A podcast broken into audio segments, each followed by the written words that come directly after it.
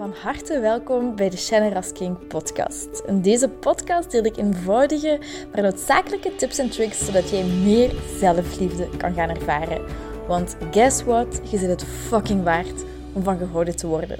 Ik heb er heel veel zin in en ik hoop jij ook. bye bye.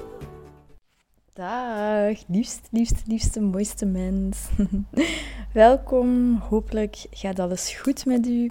Laat het mij zeker weten hoe het met u gaat, waar je mee zit, of je vragen hebt. Um, bon, je bent meer dan, meer, dan, meer dan welkom, als ook in deze nieuwe aflevering. En vandaag wil ik het heel graag hebben over iets dat heel nauw aan mijn hart ligt en al heel mijn leven ook speelt. En ik weet dat dat in heel veel mensen hun leven speelt. En dat is de vraag van hoe kan ik iemand redden? Hoe kan ik iemand beter maken of doen groeien of echt helpen om, om bepaalde keuzes te maken? Hoe kan ik iemand sturen in een richting? Want ik weet dat jij weet dat goed is voor die persoon. Um, als je bijvoorbeeld een vriendin hebt die in een toxic relatie zit, hoe kun je helpen om die eruit te krijgen? Um, hoe kun je je mama helpen die met problemen zit? Um, wat het mag zijn. En ik wil graag die vraag beantwoorden, omdat dat nu de afgelopen week eigenlijk een, een thema is dat heel veel terugkomt. Bij mezelf herken ik dat ook altijd. Maar ook in mijn coachings. En vooral de laatste weken dat er heel veel de vraag kwam in het appel van um, ik wil bijvoorbeeld naar uh, vrijwilligerswerk gaan doen in, uh, ik weet niet meer in welk land het was, ergens een Afrikaans land. Ook iemand in een Latijns-Amerikaans land in Peru. En ze zeiden, ik wil, ik wil die kinderen gaan redden daar. Ik wil hun leven daar beter maken. Ik wil echt iets goeds doen. Ik wil hen gaan redden. En vandaar ook de vraag: hoe kun je nu iemand redden? En mijn antwoord daarop, en vanuit het heel systemische, is niet. Je kunt iemand anders niet redden. En hoe pijnlijk dat, dat ook is, ook voor mijzelf, zeker als coach kom ik dat telkens tegen. Je ziet iemand voor je met een bepaalde problematiek, met een bepaalde blokkade. Je ziet al een bepaalde oplossing zelfs. Je weet, uh, als je die beslissingen maakt, dan, uh, dan krijg je innerlijke rust terug. Dan krijg je dat geluk terug. Als je dat gewoon doet, dan is het opgelost. En jij kunt dat misschien ook herkennen. Wanneer je bijvoorbeeld iets nieuws geleerd hebt dat zo goed is, dat je echt zoiets hebt van, oh, andere mensen die moeten dat ook leren. Of wanneer jij door iets gegaan bent en je hebt zoiets van, nee, ik, ik kies nu voor mezelf. Ik zorg niet meer voor mijn mama of voor mijn papa of wat het ook mag zijn. Ha, anderen zouden dat ook moeten doen. Of, um, oh, ik snap niet waarom, waarom die vriendin telkens naar, naar die naar die foute persoon teruggaat, die is niet goed voor haar. Allee, ziet hij dat nu niet? Je kunt dat misschien herkennen. En wat we, wat we wel kunnen doen, is er voor die persoon zijn. Vanuit een juiste, vanuit een juiste plek. Ik kom daar subiet meer op, op, ik ga daar subiet op, op verder. Maar dat is er zijn voor de persoon en de persoon accepteren en daar volledig oké mee zijn, ook als die persoon teruggaat naar die toxische relatie. Ook als die persoon ehm, blijft verslaafd aan iets. Ehm, ook als die persoon geld blijft uitgeven of dat die ongezond blijft eten of wat het ook mag zijn. En heel vaak, en dat is ook een vraag die ik aan u ga stellen, die ik heel vaak in coachings um, stel, als jij het gevoel hebt dat jij iemand moet redden, ga je dan twee vragen stellen en zet na elke vraag even op pauze en ga eens na bij jezelf en probeer daar een antwoord op te geven. En mijn eerste vraag is, als je het gevoel hebt van, oh, ik wil de kindjes daar gaan redden of ik wil iemand gaan redden, is, waarin zijt jij niet gered geweest? Zet even op pauze. Waarin zijt jij niet gered geweest? En dat is een vrij diepe vraag dat je niet vanuit de top of your head kunt beantwoorden, maar die vraag vraagt om naar je gevoel te gaan en een stuk naar je pijn te gaan. Wanneer zijt jij niet gered geweest? Wanneer had jij gered willen worden, maar is dat niet gebeurd?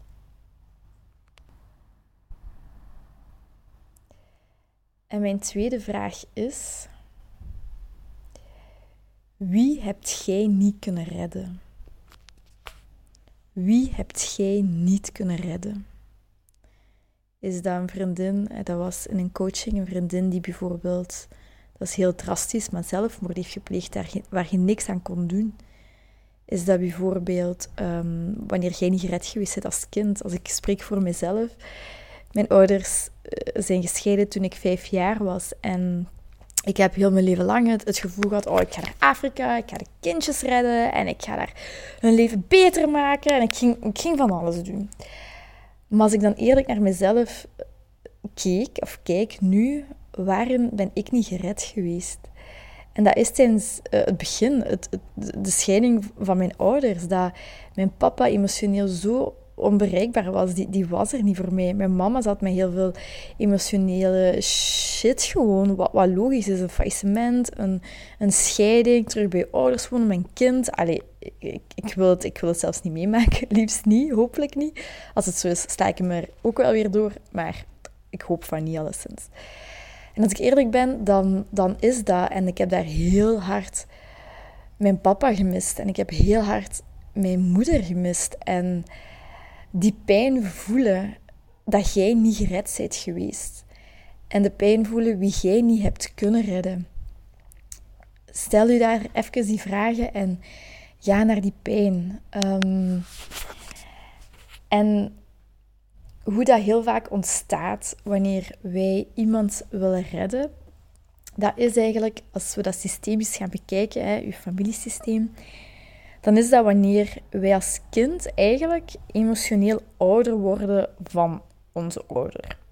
Dus um, dat de balans tussen geven en nemen zoeken is, dat niemand nog echt op zijn plek staat en dat jij als kind te snel te veel verantwoordelijkheid zijt gaan dragen.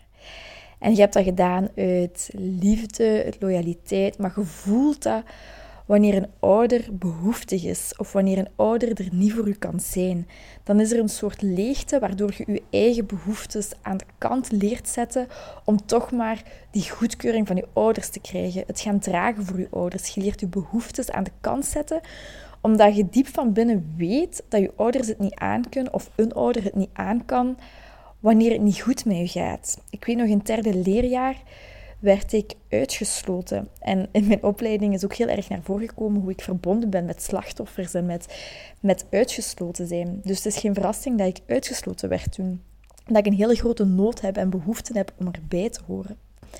Maar sinds ik weet, in derde leerjaar, ik was van school veranderd um, en ik werd daar uitgesloten. Ik werd niet gepest, maar ik werd wel uitgesloten. En ik weet hoe hard ik dat wilde verbergen voor mijn mama, omdat ik mijn mama niet pijn wilde doen. Omdat ik wist dat zij ervan af ging zien. En als zij afstak, dan zag ik nog meer af. Want ik zorgde emotioneel voor haar. Zij, zij was op dat moment niet...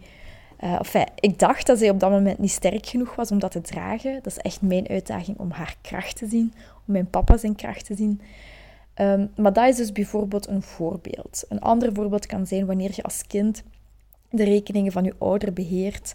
Um, of echt wanneer je die emotionele steun biedt aan uw ouders. Als uw mama of uw papa of uw oma of uw, of uw opa bij u komen met hun problemen, dat jij hun raadgever bent, een soort coach bent, dan is het... Dan zijt je eigenlijk geparentificeerd, heet dat. Dus dan zijt je eigenlijk ouder van uw ouder geworden. Of ouder van uw grootouder geworden. En wanneer, wanneer dat gebeurt, dan ontstaat die drang van mensen te redden. Dat je zoiets hebt van, oké, ik wil Ehm, ik wil andere mensen het leed besparen dat ik eigenlijk heb gehad. En wanneer je je eigen leed, je eigen pijn nog niet hebt aangenomen, dan wilt je redden. En dan wilt je die persoon redden uit een toxische relatie. En dan wilt je... Um, ja, dan wilt je de, de kindjes in Afrika, ik zeg maar, redden. En er is niks mis mee met het allerbeste voor die persoon, voor uw vriendin, voor uw mama, voor uw papa, voor, voor iedereen te willen. Maar dat is iets anders dan te gaan redden. En je kunt iemand niet redden. Ehm, het is zo belangrijk om te kunnen erkennen dat die andere persoon zijn of haar eigen lot heeft. En jij hebt uw eigen lot en dat kan beter zijn dan die andere zijn lot. Dat kan ook slechter zijn, maar jij hebt je eigen lot te dragen en die andere persoon ook. En wanneer je niet gaat redden, wanneer je die kracht ziet in de andere persoon van oké, die is sterk genoeg om hieruit te komen. En je kunt er blijven zijn, blijven steunen um, en, en raad geven, maar vanuit een juiste plek en niet redden. Oei, sorry, mijn podcast, mijn gsm viel heel even uit, dus ik ben hier terug opnieuw. maar alleszins terug uh, te erkennen van de kracht in die andere persoon. Wanneer wij ouder worden van onze ouder, dan gaan wij iedereen als zwakker zien. En dat is onbewust, want we, willen, we doen dat liefde. Wij weten, oké, ik kan dat dragen. Uh, het verdriet, de pijn, de schuld, ik kan dat allemaal hebben. Maar ik heb schrik dat jij dat niet aan kunt. Ik zie je graag, dus ik wil je die pijn niet aandoen. Dus wij maken mensen kleiner en wij gaan de kracht niet meer in iemand zien. En het is zo sterk en zo noodzakelijk om echt de kracht in iemand te zien. En dat is ook wat een coach zo belangrijk is. Niet de andere persoon te willen redden, maar die persoon te willen empoweren. Geloven in die andere persoon zijn of haar kracht. En dat is ook wat jij te doen hebt. Zie de kracht in je vriendin. Zie de sterkte in je vriendin. Zie uh, de kracht in uw mama, in uw papa, in uw zus, in uw broer. Zie de kracht dat zij zelf hun eigen lot hebben te dragen en dat zij dat ook kunnen. Zij kunnen dat. En je kunt niemand redden. Je kunt er voor iemand zijn, je kunt die ondersteunen met de allerbeste raad. En een, mede, um, een medecoach, uh, zij is een super ervaren coach in mijn opleiding, en um, dat was echt een, een heel uh, triest verhaal ook, heel pijnlijk verhaal. Ze heeft haar beste vriendin verloren aan, um, aan kanker, maar ook gewoon omdat, allee, ook gewoon die, die persoon die wilde, of die kon het absoluut niet opbrengen om haar te verzoenen met haar ouders. Um, dat heeft zich vastgezet, in het heel kort, in kanker. Um, maar nog steeds, zij, zij, zij wilde echt gewoon niks te maken hebben met haar ouders. Ze werd zieker en zieker. En die persoon, dus mijn medecursus, heeft haar beste vriendin niet kunnen redden. En ergens is dat zo schrijnend, maar door um, door dat te leren dat zij iemand niet heeft kunnen redden, heeft die andere persoon eigenlijk mijn medecursist gered. In die zin om te accepteren dat je niet iedereen kunt redden. En hoe pijnlijk dat, dat ook echt is. Hè. Hoe oh, fucking pijnlijk. Ik zou het liefst iedereen willen redden. In, in heel mijn leven. Um, dat is echt een uitdaging om tijdens de coaching die andere persoon te laten afzien. En die kracht te zien. En te geloven, die persoon is sterk genoeg. Die, die kan dat wel. wel. En als je dat met de juiste intentie doet van oké, ik zie je kracht, ik gun je je eigen lot, ik weet dat je dit kunt, maar ik ga je niet redden. En dat versterkt zo hard, zowel uzelf als de ander. En dat is ook heel vaak in een relatie, hè, dat, dat, ik, dat ik ook voel, of, of van andere mensen die, die dan appellen op mij doen, um, van ja, red mij, um, zeg mij wat ik moet doen. En dan is dat echt gaan, oké, ga ik ehm, als vriendin antwoorden, ga ik als coach antwoorden? Ik vraag dat ook heel vaak, welke versie wilt je? Als vriendin ga ik erin mee, maar als coach zijn, als coachende vriendin, dan ga ik wel gerichte vragen stellen en gewoon nooit gaan redden. Zo heb ik bijvoorbeeld een vriendin, een hele goede vriendin. En um, wanneer zij gaat trouwen, dan is het de bedoeling dat um, haar papa haar weggeeft, maar ook haar zoon. En hoe hard ik zo zie en hoe, hoe, mooi en hoe romantisch dat kan klinken in het beeld van de maatschappij, maar hoe hard het duidelijk is dat, die, dat haar zoontje eigenlijk al boven haar staat, dat hij voor haar aan het zorgen is. En het enige wat ik kan doen is daar iets op zeggen van kijk, dit is wat ik vanuit mijn ervaring geleerd heb, dat dat niet gezond is voor een kind, dat hij eigenlijk nu al te veel aan het dragen is van u. maar tegelijkertijd ook de liefde zien daarin. Die zoon heeft zoveel liefde voor haar en ze heeft zoveel liefde voor die zoon. En als het zo is, dan, dan is het ook zo. Als hij haar gaat weggeven, dan heb ik dat volledig te accepteren zonder oordeel. Wetende dat die jongen eigenlijk een heel stuk van zichzelf opoffert. Onbewust, uit liefde, uit loyaliteit. En dat hij weer andere mensen gaat willen redden. Um, Waardoor hij vaak ook partners zal aantrekken. Idem voor mij, hè, ehm, die ik kan redden. Ik heb heel veel um, ja, projectjes gehad op die, in, in, die zin. Dat ik altijd uh, iemand wilde verbeteren, iemand beter wilde maken, iemand wilde redden. En dat was een beetje uh, de rode draad in, in, in, mijn relaties. Nu ben ik daaruit aan het stappen en het lukt ook goed. Um, maar alleszins je kunt niet iemand redden en je hebt daar tools in aan te reiken en te kijken en te zeggen, oké, dit is hoe ik het zie en ik denk dat dat beter is, maar volg vooral je eigen gevoel en uh, het is aan de andere persoon om te kiezen ja of nee. Wil ik, um, wil ik dat veranderen? Wil ik dat niet veranderen? En daar heb jij niks aan te veranderen. En ik ook niet. Iedereen heeft zijn eigen wil. Je kunt er zijn, je kunt steunen. Je kunt dingen aanreiken, je kunt confronteren, maar uiteindelijk heb je die andere persoon zijn of haar lot te gunnen, die kracht daarin te zien, de liefde daar ook in te zien van, van wat hij eigenlijk uh, doet en wat hij opgeeft van zichzelf om dat te kunnen doen. En uh, zo zinnetje dat mij altijd is bijgebleven, omdat ik mijn laatste relatie um, ook vrij... Um, ja, nee, toxisch is echt een groot woord, maar die dynamiek zat helemaal verkeerd. En toen was er een zinnetje dat mij altijd is bijgebleven. Um, Toxic connection is still a connection. En um, nu achteraf kan ik ook zien van, waar dat uit kwam en hoeveel liefde ik had voor... Want uiteindelijk is, alles terug te brengen naar de relatie met je ouders. Hoeveel liefde ik had voor, voor het soort man dat eigenlijk op mijn papa leek. Maar bon, dat, dat, dat, is al iets, iets, iets verder. Ik weet niet of dat echt duidelijk is. Um, maar dus besef dat. En uh, hoe je dat ook kunt herkennen is bijvoorbeeld wanneer je moeilijk hulp kunt vragen en wanneer je alles zelf wilt oplossen in het leven. Um, en als iets niet snel genoeg gebeurt, als iemand iets niet goed genoeg doet, dan wil je het zo heel snel overnemen. Je gaat boven mensen staan en je wilt, je wilt heel erg gezien worden. Dat is een van de grootste dingen. Je hebt bewijsdrang en je wilt heel erg gezien worden. Want anders gelooft je dat je er niet toe doet. En zoals ik al zei, wanneer um, een van uw ouders afwezig was, zij het emotioneel, zij het een overlijden of een ziekte of een workaholic of een verslaving, dan gaat jij als kind die, die plek van de afwezige ouder um, innemen, omdat je voelt dat een ouder met een gemis zit. Je wilt als kind dat, dat gemis opvullen. Maar daardoor, doordat je dat als kind onbewust gaat doen, hè, uit die liefde, uit die loyaliteit, dat ik al zei, dan belemmert het u heel erg om kind te kunnen zijn. Je wordt te snel volwassen, je gaat te snel zorgen, je gaat te veel verantwoordelijkheid dragen en nemen, waardoor je op de ouderpositie komt en je, je geen kind kunt zijn.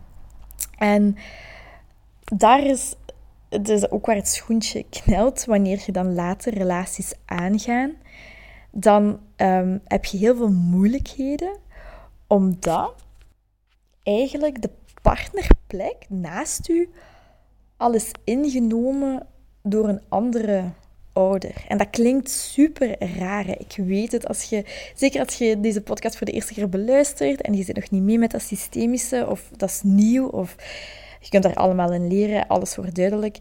Maar wanneer je je boven je ouder, ouder plaatst, dan staat je niet meer op je kindplek en dan zijt je eigenlijk partner van je ouder. Je kunt ertussen staan, je kunt erboven staan, maar je zijt niet op je eigen kindplek, op de juiste plek, waardoor er geen plek is naast je. Je zijt eigenlijk onbereikbaar. Um, en dat, dat, dat uit zich heel erg in zo af, afstoten, aantrekken, niet kunnen ontvangen, niet willen ontvangen, geen kwetsbaarheid durven tonen, ook niet durven uit te reiken uh, of je kwetsbaarheid laten tonen van kijk, ehm, ik voel me heel verdrietig nu dat je dat gedaan hebt. Um, ik heb bang dat je mij gaat kwetsen. Ik heb bang dat je mij gaat verlaten. Of oh, ik vind u heel leuk. Ik, ik, ik, ik hou van u. Ik, oh ja, ik vind u echt tof. Die dingen worden dan heel moeilijk. Um, hoe je dat nog kunt herkennen is bij, bij, jezelf dan, of bij anderen Ook wanneer je als qua lichaam, als iemand zijn kin heel vaak omhoog doet, um, is ook een heel sterk teken van die parentificatie. Um, of bijvoorbeeld wanneer je op je werk heel erg neerkijkt naar, u, naar uw mensen die je leiding geven eigenlijk, um, dat je iedereen zo wat kleiner maakt en jezelf groter maakt.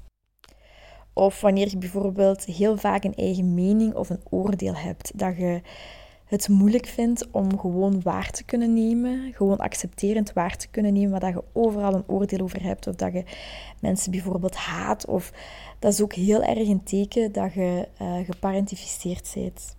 En opnieuw, je doet dat echt uit zoveel liefde en zoveel loyaliteit voor je systeem en alles, maar weet dat het jezelf belemmert. Dus als je die, die, die um, drang hebt om mensen te redden, weet dat dit dan heel erg kan spelen.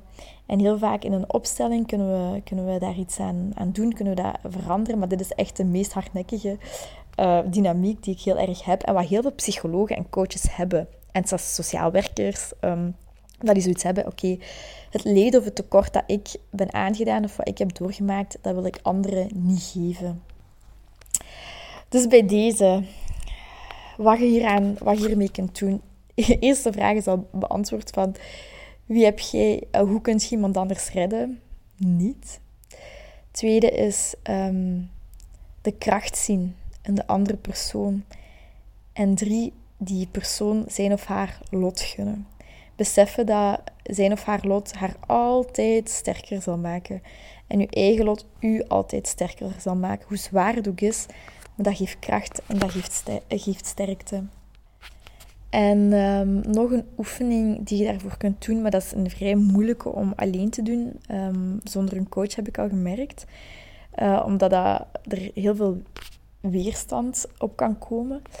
Um, dat is om uw vader te visualiseren voor u en uw moeder voor u te visualiseren. En daar een buiging naar te maken en te zeggen: Papa, ik eer u als mijn vader. Je bent de juiste papa voor mij. Ik neem volledig aan wat ik hier aan te nemen heb. En hetzelfde voor uw mama. Mama, ik neem u volledig aan. Je bent de juiste mama. Ik ontvang wat ik heb te ontvangen. En daarnaar buigen. Buigen naar hem. En dat is iets wat ik dagelijks, nee, wekelijks doe. Um, of nee, ik denk zelfs ondertussen dagelijks zo. Ook als ik op het werk ben en ik merk dat ik in deze dynamiek zit. Oké, even buigen. En ik voel hoe, hoe, sterk dat, dat is en hoe hard ik daaraan heb nog te werken. Maar het, het geeft mij gewoon veel meer innerlijke rust. En ook dat je weet dat je eigenlijk niks te eisen hebt van je ouders. Hoe hard ze ook voor u kunnen zijn, of totaal niet geweest zijn, of u verlaten hebben, of wat het ook mag zijn. Als je systemisch gaat kijken, heb je niks te verwachten of niks te eisen van je ouders. Maar heb je eigenlijk gewoon te ontvangen. Zij hebben u het leven gegeven, dus er is altijd een onderstroom van liefde of iets dat je kunt ontvangen. En je hebt dat te ontvangen, maar niks te eisen. En zo kom je op de juiste plek. En zo gaat je minder de drang voelen om, ehm, om mensen te redden. En dan zit je veel rustiger.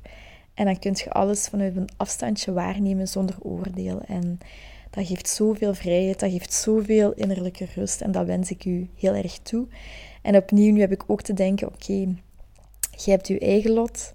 Je bent sterk genoeg als je kiest om dit niet te doen. Zit je sterk genoeg om, je om, om, om dat niet te doen? Dat is het liefde. Um, als je beslist om het wel te doen, dan, um, dan weet ik dat het je heel veel kan opbrengen. Um, wilt je het graag in een coaching sessie doen, dan zit je ook welkom om mij een berichtje te sturen. en dan ga ik het voor deze aflevering afsluiten. Um, zoals altijd heel veel liefde, heel veel warmte. Ik hoop echt dat je hier iets aan gehad hebt, dat er iets duidelijk is geworden. En um, ik wens je nog een hele fijne dag, avond, ochtend, wat ook voor u mag zijn. En uh, een hele, hele, hele dikke kus. Heel erg bedankt om deze aflevering van de Generous King podcast te beluisteren.